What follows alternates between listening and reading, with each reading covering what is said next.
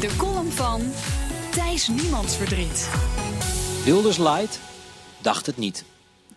Ik lees ze overal. De bezorgde columnisten die vinden dat het rechtspopulisme deze verkiezingen helemaal niet tot staan is gebracht.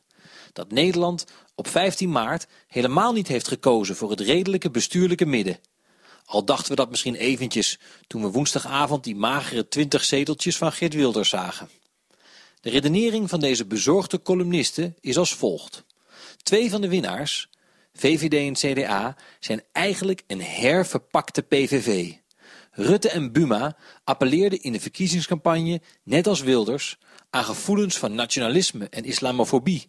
Met hun pleur op en hun Wilhelmus en hun gehamer op de radicale islam. Wilders hoeft helemaal niet te regeren om zijn zin te krijgen, want Rutte en Buma hebben zijn agenda toch al overgenomen. VVD en CDA zijn Wilders light. Leuk bedacht, maar ik dacht het niet. Natuurlijk, Rutte en Buma hebben in deze campagne de nationaal-conservatieve kiezer royaal bediend.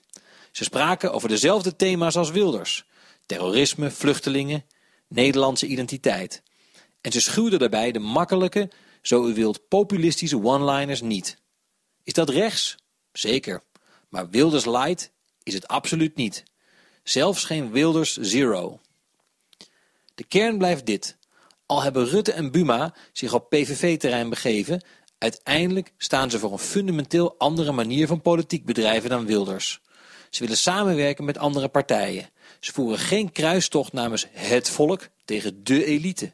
Ze accepteren het oordeel van rechters. Ze willen de Nederlandse waarden voorop stellen, maar niet ten koste van godsdienstvrijheid. Laat ik eens een ongemakkelijke vraag stellen. Wat als het bestuurlijk verantwoorde populisme van Rutte en Buma de enige manier geweest is om het echte populisme van Wilders in te dammen?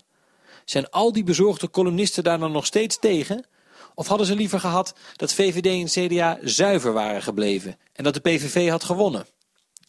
In plaats van klagen over Wilders light zou je ook kunnen concluderen dat VVD en CDA ons land hebben behoed voor chaos en verwarring. Dat ze hebben geleerd van Pim Fortuyn ze zijn niet op de moral high ground gaan zitten, maar hebben, ieder op hun eigen onvoldragen manier, geprobeerd om de zorgen van de PVV-stemmer serieus te nemen. Als Hillary Clinton dat ook had gedaan met de aanhangers van Donald Trump, was ze nu waarschijnlijk president geweest. Fraai is het niet wat VVD en CDA hebben gedaan, maar werken doet het wel. En dat is waar we de politiek uiteindelijk op moeten afrekenen.